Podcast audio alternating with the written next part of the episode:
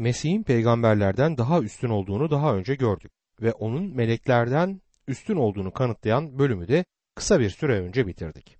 İbraniler 3. bölüm 1. ayette bunun için göksel çağrıya ortak olan kutsal kardeşlerim, dikkatinizi açıkça benimsediğimiz inancın elçisi ve baş kahini İsa'ya çevirin der.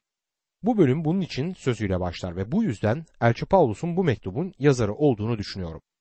Elçi bunun için ve o halde kelimelerini mantıklı düşünceleri birbirine bağlamak ve yapıştırmak için kullanmıştır. Şimdi önümüzdeki ayette bunun için bundan da fazladır. İki tarafa doğru açılan bir kapı gibidir. Ya da bir otoyolda gördüğümüz bir trafik levhası gibidir. Verilen uyarı iki tarafa da bakındır. Bunun için sözcüğü hem yazarın söylediklerine yani geriye ve hem de söyleyeceklerine yani ileriye bakmaktadır. Bu yüzden kutsal kardeşlerim diyor. Kardeşler sözcüğü Paulus gibi İbrani olanlar anlamına gelir. Elçi Paulus bedene göre bir İbraniydi. Yahudilere bedene göre kardeşler olarak hitap etmişti. Bu ayette kendilerine kutsal kardeşler denilir ve bu kutsallık kendilerinin yapmış olduğu bir şeyden ötürü değildir. Çünkü kutsal sözcüğünün anlamı ayrılmıştır. Onlar Tanrı için ayrılmışlardır. Onlar ona aittirler. Göksel çağrıya ortak olan diyor. İsrail ulusunun dünyasal bir çağrısı vardı. Eski antlaşmada İsrail'e verilmiş olan bütün vaadler bu dünya ile ilgiliydi. Onlara gökten yağmur vaat etti. Onlara bereketli topraklar ve bol hasatlar vaat etti Tanrı. Bunlar fiziksel bereketlerdir ama Tanrı onlara ruhsal bereketler de vaat etmiştir.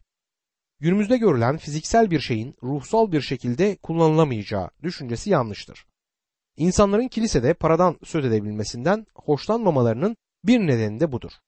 Paranın nesi var? Ruhsal bir şekilde kullanılabilir. Birisinin bir şey için dua edip de sonra onu cebinden çıkardıklarıyla desteklememesi pek etkileyici değil bence. Örneğin eğer bazı kuruluşlar için dua edecekseniz, eğer duanızın etkin olmasını da istiyorsanız bu kuruluşları parasal olarak da desteklemenizi öneriyorum. Yoksa duanız destek anlamında eksik kalacaktır.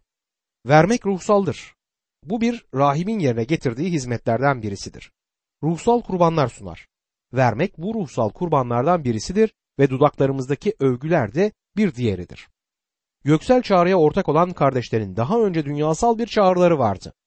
Ama artık İsrail'de Mesih'e dönen, şimdi nesline ait olmuşlardır.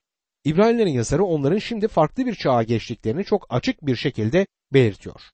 Geçmişte Musa'nın yasasına göre hayvan kurbanları sundular ve o zaman bunu yapmak uygundu ama şimdi yanlıştır. Çünkü Musa'nın yasası Mesih tarafından tamamlandı ve şimdi göksel bir çağrıları vardı. Dünyasal çağrı yok olmamış bunun yerine göksel bir çağrıya dönüşmüştür. Bu yüzden onlar göksel çağrıya ortaktırlar. İsrail'deki bazı vaizler bunu içinde yaşadığımız zamanda bizlere açıklamaya çalışırlar. Bir Yahudiye tanıklık ederken Yahudi olmayı bırakması gerektiği gibi bir izlenim vermeye yatkınız.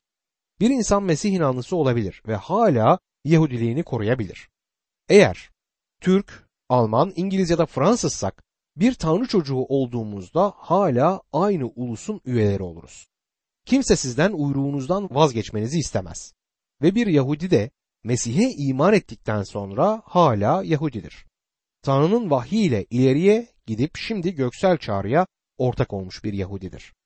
Bunu anlamak önemli. İbranilere mektubun kime yazıldığını ve aynı zamanda ne zaman yazıldığını göz önünde tutmazsanız mektup neredeyse anlamsızlaşacaktır. Bir dostum bana John Weislife'ın Yorumun Altın Kuralı adlı bir kitap yolladı. 1324 ila 1380 yılları arasında yaşamış ve çok uzun bir süre önce yazmış olduğu halde altın kuralının hala altın olduğuna ve parlaklığını yitirmediğine inanıyorum bu kitabın. Şöyle diyor Yorumun Altın Kuralı adlı kitapta. Sadece ne söylendiğine ve yazıldığına değil kimin tarafından, kime, hangi sözcüklerle, ne zaman ve ne amaçla hangi şartlar altında yazıldığına ve öncesinde ne olduğuna ve ardından ne geldiğine dikkat ederek etüt edersek kutsal kitabı anlamamız çok daha kolaylaşacaktır. Dostum bundan daha iyisi söylenemezdi. Bu kitabın o kuralını alıp onu İbraniler kitabına uyarlarsak hiçbir sorunu çözemeyeceğimizi sanmıyorum. Göksel çağrıya ortak olanlar sözü İbrani Mesih inanlarına uyarlanmasaydı tamamen anlamsız olacaktı. Açıkça benimsediğimiz inancın elçisi ve başkâhini olan İsa'yı düşünün diyor. Benimsemek sözcüğünü itiraf ettiğimiz sözcüğüne çevirmek çok daha uygun olacaktır. İsa'yı düşünün. Düşünmek olarak çevrilen eski Yunanca sözcük iyice dikkat etmek, düşünmek, için zaman harcamak ve akıllıca, iyice anlamak anlamlarını yansıtmaktadır. Çok farklı derin anlamlara sahip bir sözcüktür ve İsa'yı dikkatle, ciddi bir şekilde ve uzun uzun düşünmemiz anlama geldiğinin bilincine varmalıyız. Elçisini düşünün diyor. Yazar ne demek ister? Rab İsa sözcüğün en temel anlamıyla bir elçiydi. Bu sözcüğe herhangi bir şey katmamız gerektiğini düşünmüyorum. Sonunda bir elçi nedir? Elçi gönderilendir. İsa Tanrı tarafından yeryüzüne gönderilmişti. Elçiyi düşünün. Çünkü Tanrı tarafından bu dünyaya gönderilmişti. O bir mesaj iletmekteydi. O Tanrı'nın mesajcısıdır. O Tanrı'nın vahyidir. Onu iyi düşünün diyor. Tanrı'dan bir elçi olarak gelir ama şu noktaya da dikkat edilmelidir. Elçisi ve baş kahinini düşünün diyor. Mesih'in kahinsel etkinliği bu mektubun konusu olmaktadır. Bir baş kahin bir elçiden tamamen zıt yöne gider. Bir elçi bir peygamber gibi Tanrı'dan insana bir mesajla gelir. Tanrı'nın namına insanlarla konuşur. Ancak bir başkahin tam zıt yönde hareket etmektedir. İnsandan Tanrı'ya gitmektedir. Tanrı'nın önünde insanı temsil ederdi. Şimdi İsa bizim başkahinimizse İsa kimdir? O vurgu onun insanlığında ki İsa'dan söz eder. Size yeniden bugün görkemde bir adam olduğunu ve onun yukarıda bizleri temsil ettiğini hatırlatmak istiyorum. Onun orada olduğundan ötürü de çok mutluyum. Çünkü onun bizim avukatımız olduğu, bizi savunduğu, bizim tarafımızda olduğu kutsal kitapta yazılmaktadır. Birisinden bahsederken kendimi yeterince açıklayamadığımı düşündüğüm zamanlar oluyor. Ama dostum anlayan birinin olduğu tesellisine sahibim. İsa tam olarak neler hissettiğimi anlar. Rab İsa Mesih sizin bugün neler hissettiğinizi anlamaktadır. Dostum bunu düşünmeliyiz. Ciddi olarak düşünmemiz ve bu noktaya dikkat etmemiz gerekir. Tanrı'dan gelen ve bizim başkainimiz olan bir elçimiz var. Ve o Tanrı'nın huzuruna geri dönen başkainimizdir ve o bugün sizler ve benim için oradadır. Bu birlikte gördüğümüz gibi harika bir ayettir. Mesih Musa'dan daha üstündür der bölümde. Şimdi yazar Mesih'in Musa'dan daha üstün olduğunu da gösterecektir. Mesih'in eski antlaşmada Tanrı için konuşan peygamberlerden ve meleklerden üstünlüğü gösterildikten sonra şimdi Musa'dan da daha üstün olduğu gösterilecektir. Çünkü Musa İbraniler için çok önemlidir. Birkaç yıl önce bir grup haham İbrahim mi daha büyük Musa mı diye bir tartışma yaptılar. Anladığım kadarıyla Musa'nın İbrahim'den daha büyük olduğuna da karar verdiler. Eğer bu doğruysa, eğer İsa'yı da ele alsalardı o da Musa'dan daha üstün olacaktı. İbranilerin yazarı bunu göstermektedir. İbraniler 3. bölüm 2. ayette Musa Tanrı'nın bütün evinde Tanrı'ya nasıl sadık kaldıysa İsa da kendisini görevlendirene sadıktır der. Rab İsa kendisini görevlendirene sadıktır. İnsanların önünde Tanrı'yı temsil etmek için yeryüzüne geldiğinde sadıktı ve bizleri Tanrı'nın önünde temsil ederken de sadıktır. Musa da tüm evinde sadıktı der ayette. Burada kimin evinden söz edilmektedir. Bundan sonraki birkaç ayette ev sözcüğü birkaç kez daha geçer. Musa'nın evi miydi burası? Sanmıyorum. Burası Tanrı'nın eviydi. Musa Tanrı'nın evinde sadıktı. Belirli bir şey yapmak için çağrılmıştı ve onu yaptı ve kutsal kitaba göre sadık bulundu. Musa'nın bazı hatalar yaptığı doğrudur. Hatta yaptığı hataları kaydetmiştir. Tevrat'ı yazmıştır ama hatalar yazdığı şeylerde değildir. Çünkü ne yazması gerektiğini kendisine Tanrı söyledi. Hataları ise yaptıklarındadır. Hızlı kızan bir adamdı ve bir keresinde Tanrı ona kayaya konuşmasını söylediğinde kendisi bunun yerine kayaya vurmuştu. Bunu yapması yanlıştır çünkü o kaya Mesih'in ve Mesih'in bizim için gerçekleştireceği işin bir resmiydi. Bu olaydan birçok yıl önce Tanrı Musa'ya kayaya vurması için Mısır'dan çıkış 17. bölüm 6. ayette talimat vermişti ve bir kere vurduktan sonra bir daha vurması gerekmiyordu. Mesih bizim için bir kez vurulmuştu. Bir daha vurulması gerekli değildi. Ama Musa öfkelendi. Kayaya ikinci kez vurduğunda yaptığı şeyin anlamını bilmiyordu. Bazı hatalar yaptığı halde şimdi hayatı sona erdiğinde Tanrı'nın onun sadakatini hatırlamasını görmek gerçekten harikadır. Rab İsa da kendisine ait olanları sadakatlerinden ötürü övecektir. Aferin iyi ve güvenilir köle diyecektir. Matta 25. bölüm 21. ayette yaptığı gibi. Kim olursak olalım ve Rab bize ne iş vermiş olursa olsun sadık olmamız gerekiyor. Dostum hizmet ettiği kişiye sadık olmayan birisi hiçbir işe yaramaz. Kendisi için çalıştığınız kişiye sadık olamıyorsanız işinizi bırakmalısınız. Eğer ona sadık değilseniz Tanrı'ya da sadık olmayacaksınızdır. Eğer öyleyseniz ve özellikle de vaizler için söylüyorum, güvenilmeyecek birisinizdir. Böyle birisine de hiçbir durumda güvenemem. Tanrı Musa'nın sadık olduğunu söyler. Tanrı'nın sizin hakkınızda sadıktı dediğini duymak gerçekten harika olacak sizin için. Bu ayetin Mesih'in sadık olduğunu söyleyerek başladığına dikkat etmeliyiz. İsa da kendisini görevlendirene sadık kalır. Öyleyse nasıl Musa'dan daha üstündü? İbraniler 3. bölüm 3. ayet. Evi yapan nasıl evden daha çok saygı görürse İsa da Musa'dan daha büyük yüceliğe layık sayıldı diyor. Musa Tanrı'nın evinde sadıktı ama Rab İsa evi bina edendir. O yaratıcıdır. Musa yaratıktır. Dostum aradaki fark da budur. İbraniler 3. bölüm 4. ayette her evin bir yapıcısı vardır. Her şeyin yapıcısı ise Tanrı'dır diyor. Her evin bir yapıcısı var. Yapıcısı olmayan bir ev olmaz. Ev kendi kendine yetişip büyümez. Her ev birisi tarafından yapılmıştır. Oysa her şeyin yapıcısı Tanrı'dır diyor ayet. Rab İsa Tanrı'dır ve yaratıcıdır. Musa kendisi için hiçbir zaman bu iddiada bulunmaz. İbraniler 3. bölüm 5 ve 6. ayetlerde ise Musa gelecekte söylenecek sözlere tanıklık etmek için Tanrı'nın bütün evinde bir hizmetkar olarak sadık kaldı. Oysa Mesih onun evi üzerinde yetkili oğul olarak sadıktır. Eğer cesaretimizi ve övündüğümüz umudu gevşemeden sonuna dek sürdürürsek onun evi biziz diyor ayet.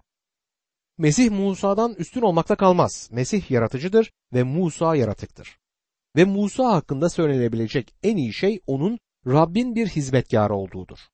Musa'nın hiçbir zaman Tanrı oğlu olduğu söylenmemiştir. Evdeki oğulla evdeki hizmetkar arasında büyük bir fark bulunur. Bu yüzden Mesih Musa'dan iki şekilde daha üstündür. Mesih yaratıcıdır ve oğuldur. Bunu anlamak oldukça önemlidir. Eğer cesaretimizi ve övündüğümüz umudu gevşemeden sonuna dek sürdürürsek diyor. Elçi Paulus eğerleri bir şart olarak değil bir tartışma ve mantık yöntemi olarak kullanmakta ustaydı. Eğer umudumuzu sonuna dek sürdürdüğümüze göre deseydi onu daha iyi anlardık. Yani eğer bizler Tanrı çocuklarıysak ve göksel çağrıya ortaksak sadık olacağız ve gevşemeden sonuna dek gideceğiz. Bu bizim Tanrı'nın evinden olduğumuzun kanıtıdır. Örneğin 1. Yuhanna 2. bölüm 19. ayette bu durum şöyle dile getirilir. Bunlar aramızdan çıktılar ama bizden değiller. Bizden olsalardı bizimle kalırlardı. Ayrılmaları hiçbirinin bizden olmadığını ortaya çıkardı diyor. Tarikatların gelip inanlar topluluklarından gerçekten inanlı olmayanları kendilerine çekmelerine Tanrı'nın izin verdiğine her zaman inanmışımdır. Tarikatlar Tanrı'nın süzgeci gibidir. Tanrı çocuğu olduğumuzun kanıtı imanı sürdürmemizdir. Bu sizi bir Tanrı çocuğu yapmaz ama bir Tanrı çocuğu olduğunuzu kanıtlar. Eğer bir imanlıysanız bunu kendiniz yapabildiğinizden ötürü değil, o sizi tuttuğundandır. Tutulduğumuz için dimdik durarak imana sarılmaktayız. Bu yüzden İbraniler mektubunun yazarı ki ben onun Elçi Paulus olduğunu düşünüyorum. Eğer sözünü kullanarak tartışma noktası açmaktadır. Eğer cesaretimizi ve övündüğümüz umudu gevşemeden sonuna dek sürdürürsek demek, göksel çağrıya ortak olduğumuz noktasına işaret eder. Kardeşler arasında olduğumuz anlamına da gelmektedir. Ben kutsal kitabı her zaman bir sinema biçimi olarak kullanıyorum. Eğer bir kişi gerçekten Tanrı çocuğuysa Tanrı sözüne sarılacaktır ve Tanrı sözünü sevecektir. Çünkü babasının kendisiyle konuştuğunu duymak isteyecektir. Şimdi Musa ile Rab İsa Mesih arasındaki tezata biraz daha ayrıntılı bakalım. Hem Musa ve hem de Rab İsa bir etik sistem bildirmişlerdir. Mesih'in ağılının dışında olanlar arasında bile Musa'nın şimdiye kadar verilmiş en büyük yasal sistemi verdiğini ve İsa Mesih'in dağdaki vaazının muhteşem bir yasa sistemi başlattığını kabul etmeyecek olan yoktur. Ancak ikisi arasında büyük bir fark var. Musa aracılığıyla Tanrı'dan gelen yasa davranışlarla ilgiliydi. Ancak Rab İsa ne mutlu ruhta yoksul olanlara göklerin egemenliği onlarındır şeklindeki muhteşem sözleriyle başlayan dağdaki vaaz adını verdiğimiz konuşmayı yaptığında bu sözlerin davranışlar yerine karakteri ele aldığını görüyoruz. Rab İsa Mesih'in ölümü ve dirilişiyle bize verdiği kurtaran lütfun yanı sıra bizden talep ettiği etik standart erişilmesi umutsuzca yüksek bir sistemdir. Mesih'te sahip olduğumuz kurtarılıştan ayrı olarak dağdaki vaaz kilisede her şeyden çok iki yüzlük yaratır. Günümüzde insanlar etik öğretir ve bizlerin dağdaki vaazdaki buyrukları yerine getirmemiz gerektiğini söylerler. Dostum ancak Mesih'in bize verdiği kurtarışla o standarda yaklaşabiliriz. Tanrı Musa ile Sina Dağı'nın üzerinde konuştuğunda gök gürültüsü, şimşek, deprem ve korku vardı. Tanrı insanları uzakta durmaları ve sığırlarının bile dağa dokunmasına izin vermemeleri için uyardı. Ama bu lütuf çağında Tanrı bu şekilde konuşmamıştır. Tanrı Kalveri adlı bir tepeden konuştu. O tepede bir çarmıh ve çarmıhın üzerinde kırık, yaralı ve ölmekte olan bir adam vardı. Bu adam Tanrı'ydı ve onun o çarmıhtaki ölümüyle bu dünyaya Tanrı'nın lütfu aktı. Tanrı bizleri yasayla kurtarmadığı için ona teşekkür ediyorum. Eğer öyle yapsaydı Uğur'un başaramadığını kabul edip başka bir yol aramak zorunda kalırdı. Başka bir yol vardır. Bu yolda Tanrı'nın lütfudur. Tanrı'nın lütfu var olduğu için Tanrı'ya şükürler olsun. Eğer cesaretimizi ve övündüğümüz umudu gevşemeden sonuna dek sürdürürsek diyor ayette. Siz bir Tanrı çocuğu olduğunuzdan umudunuzda sonuna dek övüneceksiniz. Topluluklarımızdaki insanların gerçekten kurtulup kurtulmadıklarını anlamanın zor olmasının nedenlerinden biri de budur. Bazıları hiç böyle gözükmez ve hareket etmez. Mesih'te sevinmezler. Dostum İsa peygamberlerden, meleklerden ve Musa'dan üstündür. O harikadır. Onu düşünmemizin söylenmesine şaşmıyorum.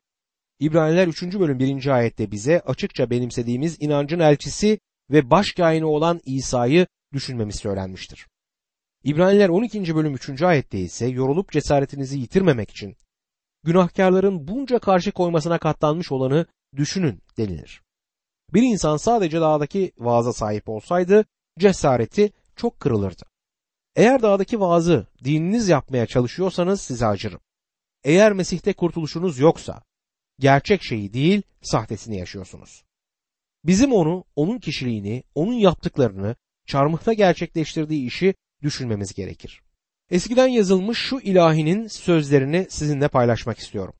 Korkunç fırtına kopunca diyor bu ilahinin sözlerinde. Yaşamım alt üst olunca, korkular beni sarınca, o zaman ey canım onu düşün. İsteklerim olmayınca, hayallerim yıkılınca, kötü düşünce gelince, o zaman ey canım onu düşün. Dostlarımdan ayrılınca, yalnız başıma kalınca, gözlerim yaşla dolunca, o zaman ey canım onu düşün. Hasret içime çökünce, sıkıntılar hep gelince, kalbim acıyla dolunca, o zaman ey canım onu düşün. Yorgun yolumdan gidince, umutlarım kırılınca, imanımı yitirince, o zaman ey canım onu düşün. Saçlarıma ak düşünce, bedende güç kalmayınca, ölüm bana yaklaşınca, o zaman ey canım onu düşün. Başını kaldır semaya, oturmuş baba yanında, korkma ben seninleyim der. O zaman ey canım ona güven. Dostum bu mektupta onu düşünmemiz gerekmektedir ve onu bizim için gerçek kılması için Tanrı'nın ruhuna ihtiyacımız var. İbraniler 3. bölüm imansızlık tehlikesi konusunda bizleri uyarmaktadır. İbraniler 3. bölüm 7. ayette bu nedenle kutsal ruhun dediği gibi bugün onun sesini duyarsanız diye başlar. Bu bölüme başlarken bir tane daha bundan dolayı kelimesinin kullanıldığına dikkatinizi çekmek istiyorum. Birinci ayette bundan dolayımız vardı ve yedinci ayette de yine bundan dolayı kelimesi kullanılıyor. Ve onuncu ayette yine bu aynı kelimeyi göreceğiz. Bu çok önemli bir sözdür. Daha önce de söylediğim gibi geçmişe ve geleceğe açılan bir kapı gibidir. Ayrıca cennete götüren o büyük yolda ilerlerken bir tehlike levhası bulunmaktadır. Aslında yolun her iki tarafına da bakın. Yolun aksi istikametinden çok hızlı bir sürücü gelebilir demek gibidir. Bundan dolayı yani daha önce söylenenlerin ışığında peygamberler ve melekler ve Musa tarafından söylenilen sözler çok önemli olduğu gibi İsa tarafından söylenilen sözün önemine de dikkatimizi çeker. İsa'dan şüphe duymamak konusunda dikkatli olmalıyız. Eğer bugün onun sesini işitirseniz diyor. 95. mezmur 7 ila 11. ayetlerin başlangıcıdır bu. İbraniler 3. bölüm 8 ila 11. ayetler arasında şöyle der. Atalarınızın baş kaldırdığı çölde onu sınadığı günkü gibi yüreklerinizi nasırlaştırmayın. Atalarınız beni orada sınayıp denediler ve 40 yıl boyunca yaptıklarımı gördüler. Bu nedenle o kuşağa darıldım ve dedim ki yürekleri hep kötüye sapar. Yollarımı öğrenmediler. Öfkelendiğimde ant içtiğim gibi onlar huzur diyarıma asla girmeyecekler. Ben Mesih'in her mezmurda var olduğuna inanıyorum. Onu her mezmurda bulamadığımı itiraf etsem bile mezmurlarda Mesih bulunur. Ancak 95. mezmurda 7 ila 11. ayetler arasında şöyle der. Çünkü o Tanrımızdır. Bizse onun otlağının halkı, elinin altındaki koyunlarız. Bugün sesini duyarsanız Meriba'da, o gün çölde Massa'da olduğu gibi yüreklerinizi nasırlaştırmayın. Yaptıklarımı görmelerine karşın atalarınız orada beni sınayıp denediler. 40 yıl o kuşaktan hep iğrendim. Yüreği kötü yola sapan bir halktır dedim. Yollarımı bilmiyorlar. Bu yüzden öfkeyle ant içtim. Huzur diyarıma asla girmeyecekler. İbraniler 3. bölüm 7 ila 11. ayetler arasında 95. mezmurun bu bölümü açıklanır. Ve İsrail bize bir örnek olarak gösterilir. Bunu bir anlığına düşünmeliyiz. Mısır'dan çıkan İsrail kuşağı Tanrı'dan kuşku duydu ve kuşkularından ötürü Kenan diyarına asla giremediler. Huzur diyarıma asla girmeyecekler dedi Tanrı. Kutsal kitabımda o son huzur sözcüğünü işaretledim. Bu bölümde ve bir sonraki bölümde huzur sözcüğü içeren en az 12 ayet bulunur ama her zaman aynı anlamda huzur için bunlar kullanılmamıştır. Bu kurtuluşun huzurudur. Rab İsa'nın Matta 11. bölümdeki sözleri işte bu anlama gelir. Matta 11. bölüm 28. ayet. Ey bütün yorgunlar ve yükü ağır olanlar, bana gelin ben size rahat veririm. Yani ben günahın yükünü sizin üzerinizden kaldırırım.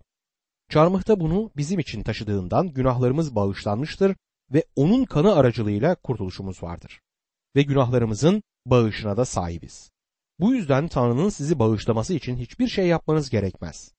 Mesih sizin için öldüğünde bunu zaten yapmıştır. Bütün yapmanız gereken inanmak ve Mesih'i kabul etmektir. İsrail halkı şimdi kurtuluşun huzurunu biliyor. Onlar artık Mısır'da köle değiller. Kan kapı sövelerindeki kan aracılığıyla Mısır'dan çıktılar. Güç aracılığıyla, Tanrı'nın gücü aracılığıyla çıkartıldılar. Tanrı onları Kızıl Deniz'den geçirdi. Tanrı onları kurtardı. Ama Rab İsa Matta 11. bölüm 29. ayette Boyunduruğumu yüklenin benden öğrenin. Çünkü ben yumuşak huylu, alçak gönüllüyüm. Böylece canlarınız rahata kavuşur dedi. Bu farklı türden bir huzurdur. Bu kurtuluşun huzuru değildir. Buna itaatin huzuru diyebiliriz. Mesih inanlı hayatın tadını çıkartmanın huzuru işte budur. İsrailoğulları Mısır diyarından çıktıklarında Kızıldeniz'i geçerken Musa'nın şarkısını söylediler. Ezgiler sunacağım Rabbe çünkü yüceldikçe yüceldi. Atları da atlıları da denize döktü dediler. Tanrı bizleri kurtardı. Tanrı büyüktür. Sina'dan ayrıldıktan sonra 11 günlük bir yolculuk onları vaat edilen diyara götürebilirdi. Ama diyarı araştırmak için casuslar göndermeleri gerekti. Bunu yapmaları gerekmiyordu ama onlar bunu yaptı. Tanrı onlara bakacağını söyledi ama Tanrı'ya inanmadılar. Bunun üzerine Tanrı onların isteklerini kabul etti ve casuslar yollamalarına izin verdi. Ama casuslar harikuladeki diyarı görmediler. Bütün gördükleri devlerdi ve kendilerini çekirge gibi düşündüler. Tanrı'yı düşünmediler. Eğer ona güvenselerdi, Tanrı'nın devlerin icabına bakacağı konusunda ısrar eden Kaleb ve Yeşu hariç diğerleri halklarına yanlış bir raporla dönmezdi. Ama halk çoğunluğun raporunu kabul etti. Bu yüzden komitelerin Rabbin işini tatmin edici bir şekilde çoğu zaman yapamadıklarını düşünüyorum. Ve birkaç gün sürmesi gereken bir yolculuğu yapmak için 40 yıl harcadılar. Peki bunun nedeni neydi? İnançsızlık. Tanrı'ya diyara girecek kadar inanmadılar. Ona Mısır'dan çıkacak kadar inandılar ama Kenan'a girecek kadar değil. Tanrı o inançsız neslin çölde öleceğini ve kendisinin onların çocuklarını vaat edilen diyara götüreceğini söyledi. Daha sonra Yeşu'nun bir sonraki nesli diyara götürdüğünü görüyoruz. Şeria nehrini geçmeleri gerekiyordu. Bunu nasıl yaptılar? Tanrı kendisinin onların yanında olduğunun sembolü olan antlaşma sandığını rahiplerin omuzları üzerinde önden yolladı. Ayakları nehrin kenarına dokunduğunda Şeria nehrinin suları ayrıldı. Yeşu 3. bölüm 17. ayette şöyle okuyoruz. Rabbin antlaşma sandığını taşıyan kahinler halkın tamamı ırmağa geçinceye dek kurumuş ırmak yatağının ortasında kıpırdamadan durdular. Böylece bütün İsrail halkı kurumuş ırmak yatağından geçti. Sonra rahiplerin antlaşma sandığıyla durduğu nehrin ortasından 12 tane taş aldılar ve onları bir anıt olarak kıyıya diktiler. Sonra onları aldıkları yere vaat edilen diyardan 12 tane taş koydular. Şeria'nın suları dönüp o 12 taşı örttüğünde bu Mesih'in ölümünün bir sembolünü oluşturdu. Nehirden alınan ve diğer kıyıda bir anıt olarak dikilen 12 taş ise Mesih'in dirilişini anlatmaktadır. Elçi Paulus Romalılar 6. bölüm 4. ayetti. Babanın yüceliği sayesinde Mesih nasıl ölümden dirildiyse biz de yeni bir yaşam sürmek üzere vaftiz yoluyla onunla birlikte ölüme gömüldükler. İşte bunu söylediğinde bundan söz etmektedir. Bizler şimdi diri Mesih'le birleştik ve Kenan'ın tadını çıkartabileceğimiz yol budur. Kenan cennet değildir. Sonsuz bir huzurun var olduğunu öğreneceğiz ve bu huzuru İsa Mesih verir. Ama bugünkü sorunumuz inanların bu dünyadan gelip geçerken sahip olabilecekleri o huzura girmektir. Siz bugün sevinen bir inanlı mısınız? Bunu yapabilmenin tek yolu Tanrı'nın sözünü etüt etmek ve ona inanmaktır. Günümüzde kaç tane Mesih inanlısı, kaç tane inanlılar topluluğu üyesi Tanrı sözünü gerçekten çalışıyor. İbraniler kitabı bize Tanrı sözünün diri ve etkin olduğunu söyler. Bu Rab İsa Mesih'ten söz etmektedir ama aynı zamanda Tanrı'nın yazılı sözünden de söz eder. Bu yüzden sizin ve benim ona yakın kalabilmemizin tek yolu Tanrı sözüne yakın kalmaktır. Ve sizler ve benim diyarın üzümlerinin ve meyvelerinin ve onun güzelliğinin zevklerinin tadını çıkartabilmemizin yolu Tanrı sözünü çalışmaktır. Tanrı sözünü kişisel olarak bilmeden inanlı topluluğu üyesi olmak bir boyunduruk taşımak, para vermek için dövülmek ve bazı şeyleri yapmak zorunda kalmak gibidir. Mesih'in muhteşem kişiliğine yaklaşmak yerine her şey bir görev olur o zaman.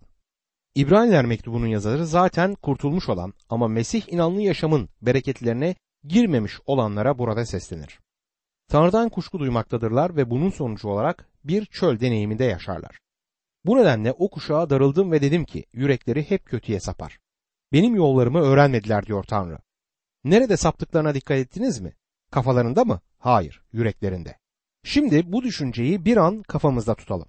Mısır'dan çıkan İsrail nesli İbrani inanlara günah işlememeleri için bir uyarı olarak anlatılmıştı.